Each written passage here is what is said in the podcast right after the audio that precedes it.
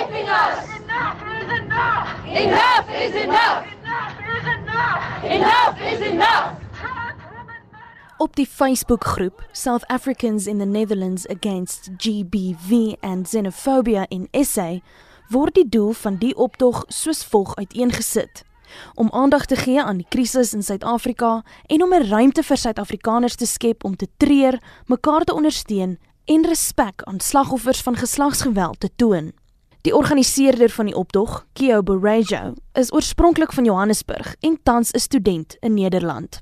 I wanted to fight along with them and for them, and obviously being away, that was really hard. So, yeah, it's just more a reflection of what's going on back there, a small one, but something. And uh, the objective with it was for the event to become a platform where other women could speak as well, women of color especially, and trans and femme and queer women as well, because they too suffer from gender based violence. And that I just happened to create the Facebook event, but I know that anybody else would have done the same thing. I wanted to make sure that you know there was at least a space where this could be all spoken about and not come from one perspective. We will not tolerate rape culture anymore, anything that sustains it. And that men need to be held accountable and hold their friends accountable. And, you know, every there needs to be so much more introspection in how this culture has come about. Let our women breathe. Let our women breathe. The power to our women. The power. Talle organisasies het sedert verlede week protesoptrede verskerp oor die voorslepende geweld teen en moord op vroue en kinders. Onlangse voorvalle soos die moord op die 19-jarige student van die Universiteit van Kaapstad, Uyinene Mqwechana, en die moord op die 19-jarige Jessie Hess van die Universiteit van die Wes-Kaap het groot opskudding landwyd veroorsaak. Barajo sê sy wou ook met die optog 'n platform skep vir vroue om oral gevoelens oor geslagsgeweld te praat en ook bewustheid onder Nederlandse burgers te skep. that was also like a very big aim is to maybe help it get more international recognition because most of the world doesn't know what's going on back home and our country's in a huge crisis and once the world starts paying attention i feel like things really start to happen you know it's time our women are believed and taken seriously Barajo sê dit is egter moontlik vir Suid-Afrikaners in ander lande om hul bydrae te lewer en teen geslagsgeweld op te staan. It's really easy to feel like you can't do much, especially right now, like being away from the country, not being able to do physical action, like going to a march or joining all our sisters back home.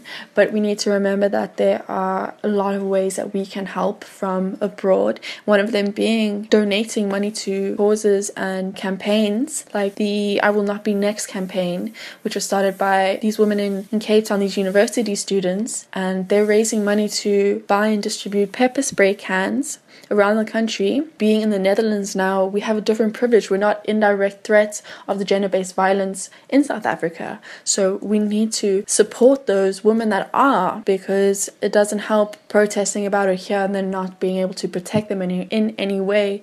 Verskeie Suid-Afrikaners wat aan die optog deelgeneem het, sê hulle wil saam opstaan en 'n boodskap aan hul land en die res van die wêreld stuur, al is hulle nie by die huis in Suid-Afrika nie. Sensenina, Sensenina, Sensenina.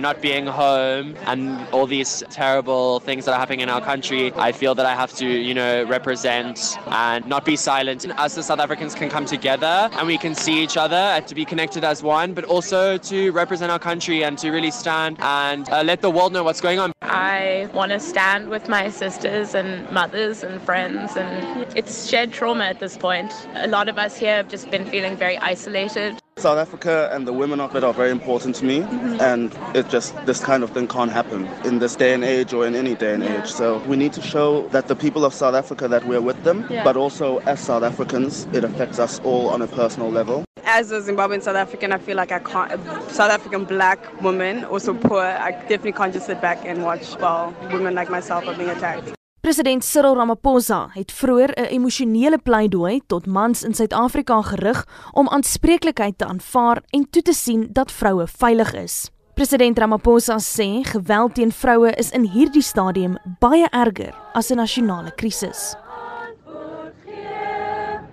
Sounds a call to come together and united we shall stand.